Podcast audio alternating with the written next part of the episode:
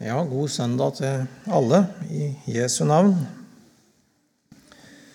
Eh, aller først hadde jeg lyst til å bare dele med dere noe jeg har tenkt mye på over litt tid.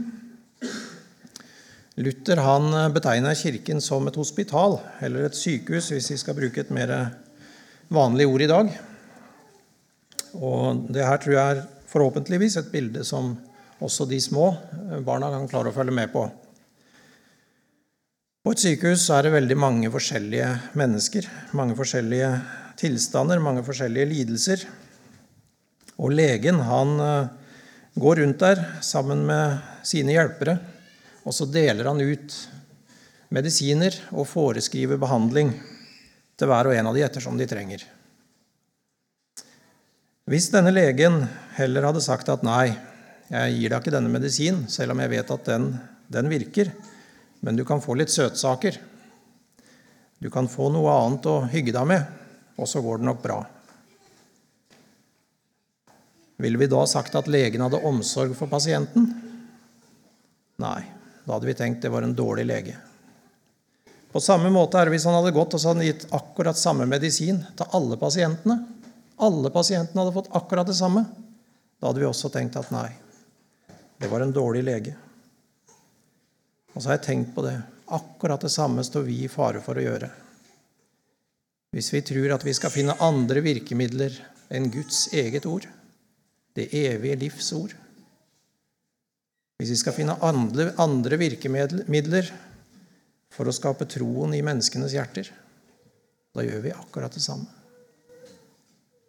Og så er det Jesus som er legen, men så skal vi være hans hjelpere her på denne jord. Vi skal stå i tjeneste for Han, og da må vi gi det som Han foreskriver.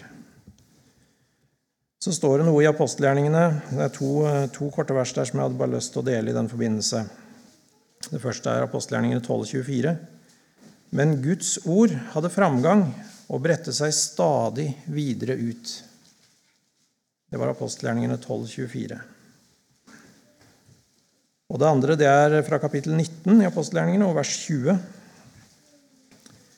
Slik hadde Guds ord stor framgang og fikk makt. Og så var det en bønn i mitt hjerte at det kunne skje blant oss. At Guds ord fikk framgang og fikk makt. Skal vi be sammen? Ja, kjære Jesus, så ber jeg om at du kan tilgi oss at vi har så lett for å mistro ditt ords virkning.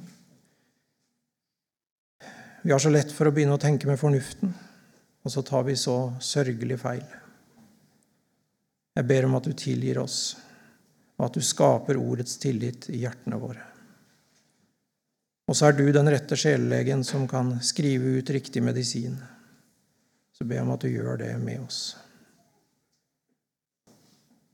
Velsigne du samværet i ditt navn. Amen.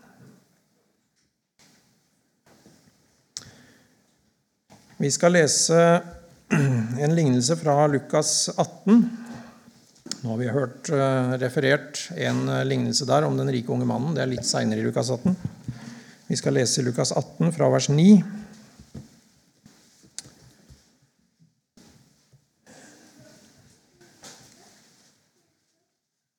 Lukas 18 og vers 9 i Jesu navn. Han fortalte også denne lignelsen til noen som stolte på seg selv, at de var rettferdige, og foraktet de andre. To menn gikk opp til tempelet for å be. Den ene var en fariseer, og den andre en toller. Fariseeren sto for seg selv og ba slik.: Gud, jeg takker deg fordi jeg ikke er som andre mennesker, røvere, urettferdige, horkarer eller som denne tolleren. Jeg faster to ganger i uken og gir tiende av alt jeg tjener. Men tolleren sto langt borte. Han ville ikke engang løfte øynene mot himmelen, men slo seg for sitt bryst og sa, Gud, vær meg synder nådig. Jeg sier dere, denne gikk rettferdiggjort hjem til sitt hus, ikke den andre. For hver den som opphøyer seg selv, skal fornedres, men den som fornedrer seg selv, skal opphøyes. Det var Jesu ord. Og Jesus han eh, har ett mål, og det er å sette mennesket i frihet. Han vil at de skal få del i hans verk, at de skal bli satt over fra mørkets makt og til han. Han vil at de skal få del i hans rettferdighet. Og Det kan vi legge merke til når Jesus møter mennesker gjennom Bibelen. Nå sang jo Martin om et møte med Jesus, og det er det vi trenger alle sammen hver dag. Men vi kan også legge merke til det når han møter mennesker, så er det noe som går igjen. Og det er at han søker å hjelpe dem med deres problem, med deres nød. Men for at det skal skje, så må han jo få dem i tale.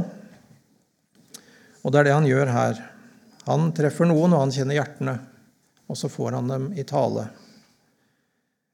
Og da måtte jeg bare ta med en eh, sammenligning. Når han møter kvinnen ved Sykars brønn, så vil han åpenbare hennes synd for henne sjøl. Altså at hun skal bli klar over sin synd, at hun skal få en nød. Og så vil han at hun skal få del i hans rettferdighet. Og Det er akkurat det samme han gjør her. Han prøver å avdekke egenrettferdigheten hos de han samtaler med. Kvinnen ved Sykars brønn hun levde i åpenbar synd, og antageligvis så var hun forakta av sine omgivelser. Hun blei nok ikke sett opp til. Disse her de mente seg å være rettferdige, og antagelig så ble de også regna som det, kanskje. De ble kanskje sett opp til av sine omgivelser. Jesus han søker ikke noe mindre å frelse dem av den grunn, men kanskje det er enda vanskeligere. Kanskje det er enda mer som skal til for det er sånn at det er lettere for en som ligger i rennestein, å erkjenne sannheten om seg sjøl og sitt liv, godta dommen over det, enn en som lever i en falsk kristendom. For den som lever i en falsk kristendom, den har jo hele sin egen ære, hele sin egen verdighet å forsvare. Da er det vanskelig å erkjenne sannheten. Så skal vi stoppe litt for de to som vi møter i teksten. Men så må jeg bare si én ting først. Et menneske som lever i en lettvint nåde, en teoretisk nåde, og denne fariseer, eller en fariseer, de to de har noe til felles. De har begge en sløv, eh, sløv samvittighet fordi de mener de er rettferdige. Og så blir samvittigheten sløv. I det ytre så er det nok stor forskjell på de to. En som lever på en lettvint nåde, og en fariseer. I det ytre så er forskjellen kanskje veldig stor. Og fariseeren har en nidkjærhet for å se til at andre lever sånn som de skal, osv., som kanskje den som lever med en lettvint nåde, ikke har. Og så kan det se ut som forskjellen egentlig er veldig stor. Men de har det til felles at samvittigheten er ikke justert etter Guds ord. Samvittigheten dømmer ikke hjertets tanker og råd. Det er ikke mulig hvis du lever med en lettvint nåde eller som en fariseer. Og det er mange i dag som lever i en lettvint nåde.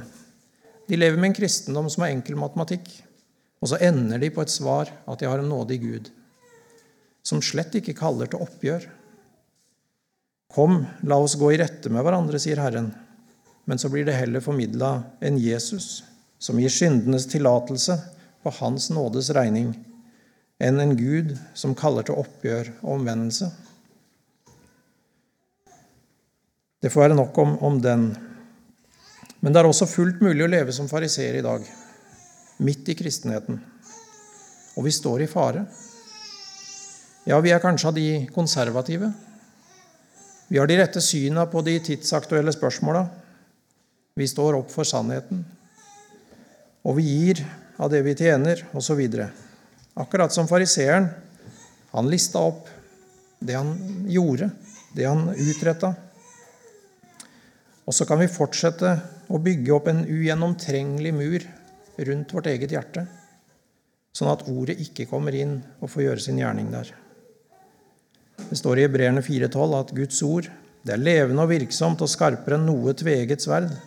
Det trenger igjennom helt til det kløver sjel og ånd, ledd og marg, og dømmer hjertets tanker og råd. Men det får jo aldri dømme hjertets tanker og råd hvis ikke det kommer til. Hvis den muren blir så solid og ugjennomtrengelig at ordet aldri når inn, ja, da får det heller ikke gjøre sin gjerning. Og hvis vi lever med et sånt sinn, et sånt hjerte Når vi sitter og hører ordet da, så blir heller fokuset på om alt går rett for seg i gudstjenesten. Om sidemann får høre det han trenger, eller om de som er utenfor, blir satt på plass, enn å være mottagelig for Guds stemme til meg. Det kommer aldri så langt at det blir en virkelig syndenød. Og dermed blir det heller ikke et sant oppgjør med synden og en frigjørende nåde. Dermed så blir det heller ingen frelsesfryd.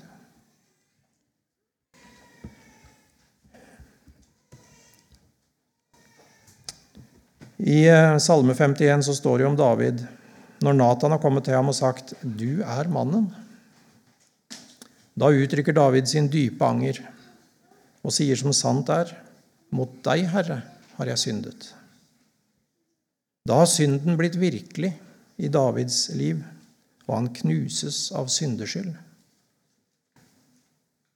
Og så Seinere vitner David om at Gud ser ikke til slakteoffer eller brennoffer, for ellers vil han gi han det.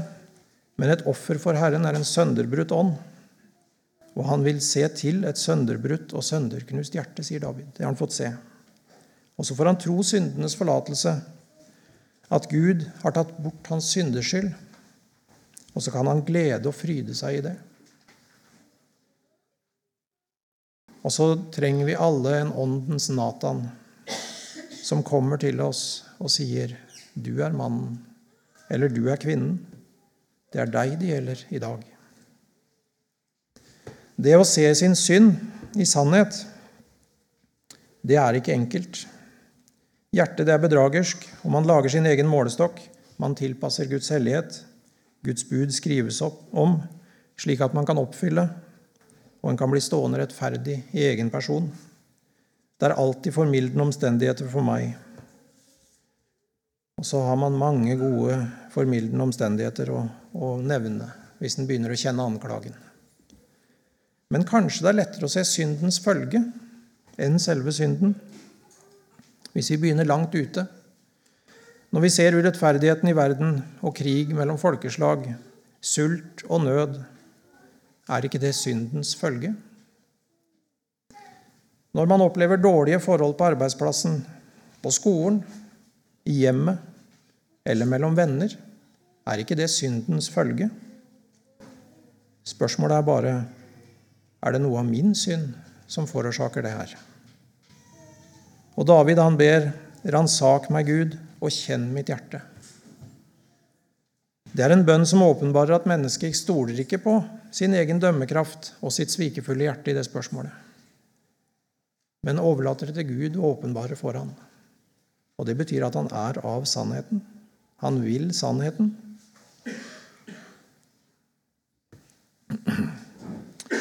Resultatet for den som ikke får se sin synd, det er nettopp det sinnelag som fariseeren viste her.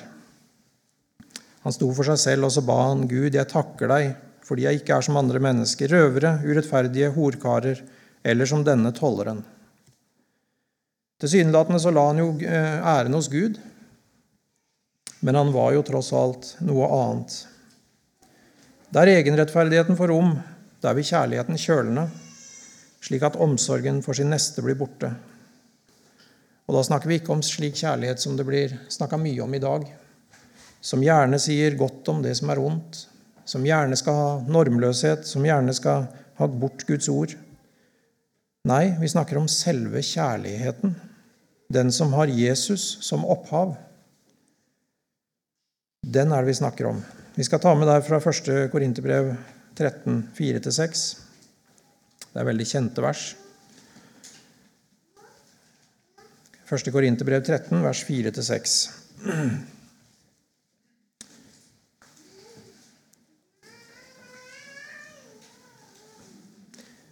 Kjærligheten er tålmodig, er velvillig. Kjærligheten misunner ikke. Kjærligheten skryter ikke. Den blåser seg ikke opp.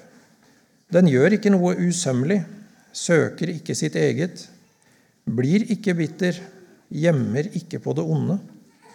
Den holder seg ikke til urett, men gleder seg, gleder seg ved sannhet. Den utholder alt, tror alt, håper alt, tåler alt fordi den er troens frukt. fordi den er virka av Jesus, så er den sånn. Den som har kjærlighet, sann kjærlighet, søker det som er sømmelig i sine ord. Han vokter på sin munn, han tar ikke lett på tungens synder. Nei, han søker det som er sømmelig i alle ting, i sine gjerninger. Han ønsker å leve etter Guds vilje, i større og større grad å likedannes med Jesus. Det er en troendes inderlige ønske. I hele sin framtoning vil en troende opptre sømmelig, den som er av kjærligheten. Han vil ikke gi rom for synden, han vil ikke ha sin pryd i det ytre. Men han vil ha sin pryd i hjertets skjulte menneske, som det står om. En troende søker det som er rent, som er til Jesu navns ære og til nestens nytte. Han søker i alt å vinne sin neste for himmelen. Det er en troendes mål. Han tar gjerne hensyn til sin svake bror. Det betyr å ofre seg og sin egoisme, ikke å bygge opp sin egen rettferdighet og samtidig leve for seg selv. Paulus han skriver noe om det mm, Skal vi se Jeg fant der. Eh, jeg hadde ikke det med i notatet her, men jeg bare fant de versa tidligere i dag. Eh, ja, Vi kan ta fra første Korinterbrev 10, og vers, eh, vi begynner på 32. Vær ikke til anstøt, verken for jøder eller for grekere eller for Guds menighet og så kommer det jeg tenkte på. Slik prøver også jeg i alle ting å gjøre det beste for alle. Jeg søker ikke mitt eget gagn, men de manges, slik at de kan bli frelst. Jeg søker ikke mitt eget gagn, men de manges, slik at de kan bli frelst. Det er en troendes mål fordi han er prega av Jesus. Han har fått hans sinnelag. Kjærligheten gleder seg ved sannhet og vil at alle skal komme til sannhetserkjennelse. Mine brødre, skriver Paulus, dersom noen iblant dere har faret vill fra sannheten, og en omvender ham, så skal han vite at den som omvender en synder fra hans villfarne vei, han frelser en sjel fra døden og skjuler en mengde synder.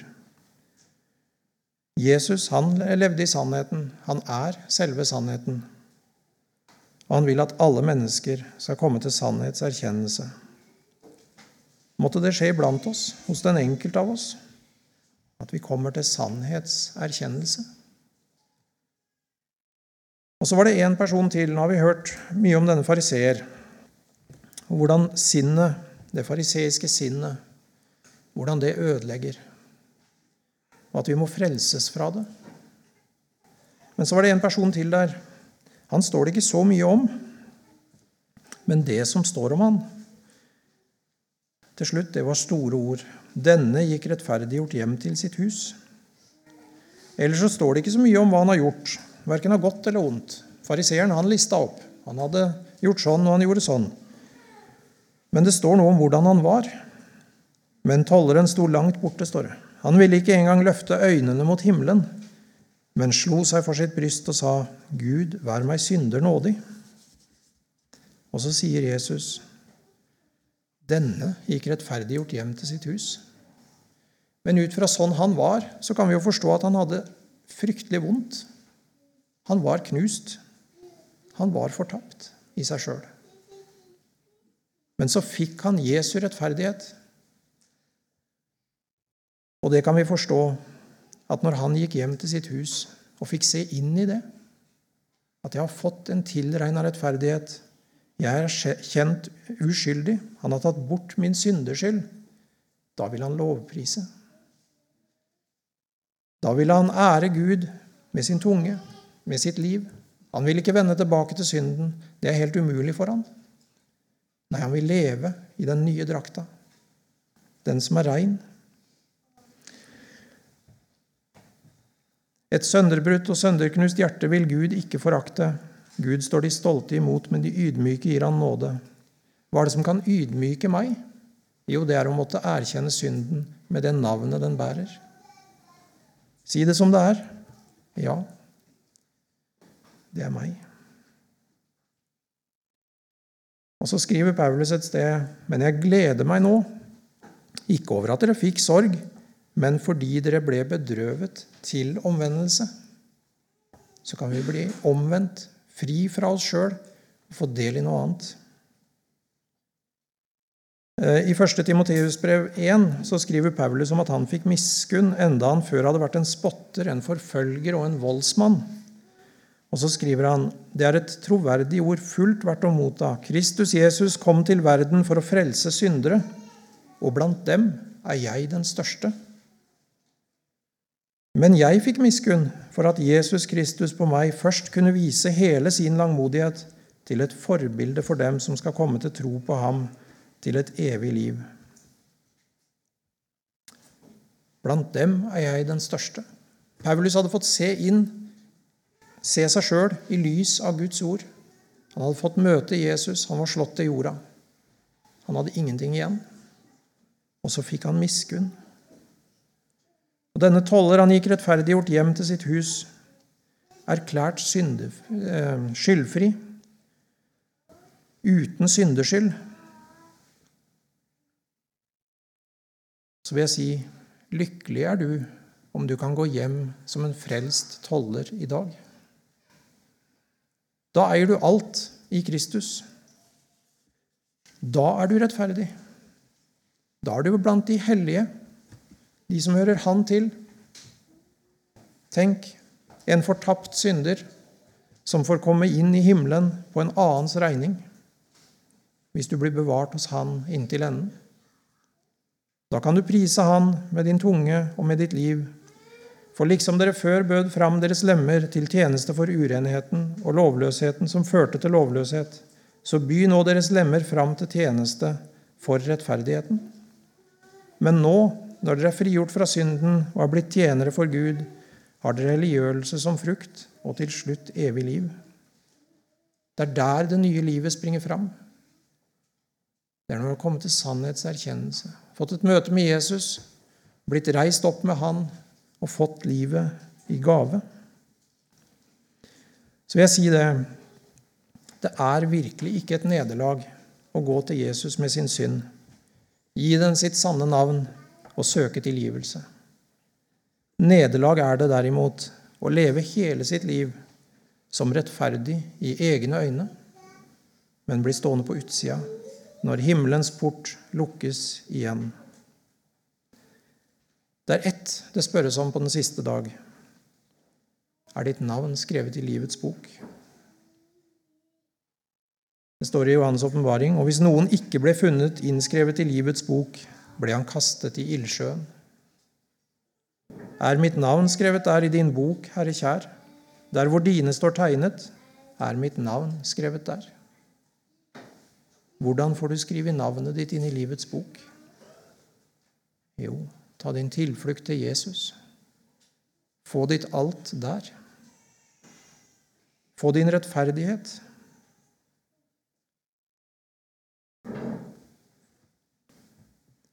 Så sier han, Se, jeg står for døren og banker. Om noen ører min røst og åpner døren, da vil jeg gå inn til ham og holde nattverd med ham og han med meg. Gud kaller til oppgjør, men han vil gi en synder livet, som vil ta imot, som vil ha sannheten, som er villig til å gi slipp på sin egen rettferdighet, sin egen ære, godta dommen over synden sånn som den er. Da vil han gi. Eh, Reidar refererte det verset i stad men jeg vil referere det til slutt, jeg òg. På sangen på 120. Hvis ikke jeg tar mye feil, så skal vi nok synge den. Eh, vers 4. Og jeg er en synder stor, det er all min navneære. Bedre kan det ikke være når jeg hører lovens ord. Men da du er Jesus blevet, og fordi min skyld du tok, derfor står mitt navn innskrevet deilig nå i livets bok. Tenk det. Derfor står mitt navn innskrevet, fordi du for meg har Jesus blevet, og fordi min skyld du tok. Derfor står mitt navn innskrevet, deilig nå i livets bok. Har vi ikke grunn til å takke? At det er det han vil gi, hver og en? Men hvis vi holder oss i skyggen, holder oss borte fra ordets lys, fra åndens stemme, og ikke vil slippe han inn, ja, da får vi ikke del i det. Og så kjenner jeg for min del det er så om å gjøre at jeg blir bevart i det fra dag til dag. For det kan være sånn en dag, og jeg kan glede meg i det, og så neste dag så er jeg frista til å finne en annen løsning. Og så må jeg føres tilbake igjen og tilbake igjen.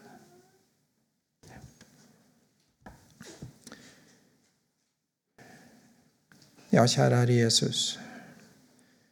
Jeg vil takke deg for at du vil ikke en synders død. Du vil søke oss opp. Du vil få oss i tale. Du vil gi oss livet. Du vil gi oss din rettferdighet. Og du vil at vi skal bli bevart i den inntil enden. Tal du med oss, hver og en. Åpne du ordet for oss, sånn at vi får se inn i det at vi får se sannhet. Og gi oss å ha blikket vendt mot himmelen. Det er der vi har vårt hjemland, vi som hører deg til. Og gi oss å se nok av hva det innebærer, til at vi virkelig kan glede og fryde oss over at vi har fått adgang dit for din skyld. Og om det skulle være noen som ikke har del i det, Jesus, må du stoppe dem opp. Kalle på dem, vise dem hva de står i ferd med å ødsle bort. I ditt navn. Amen.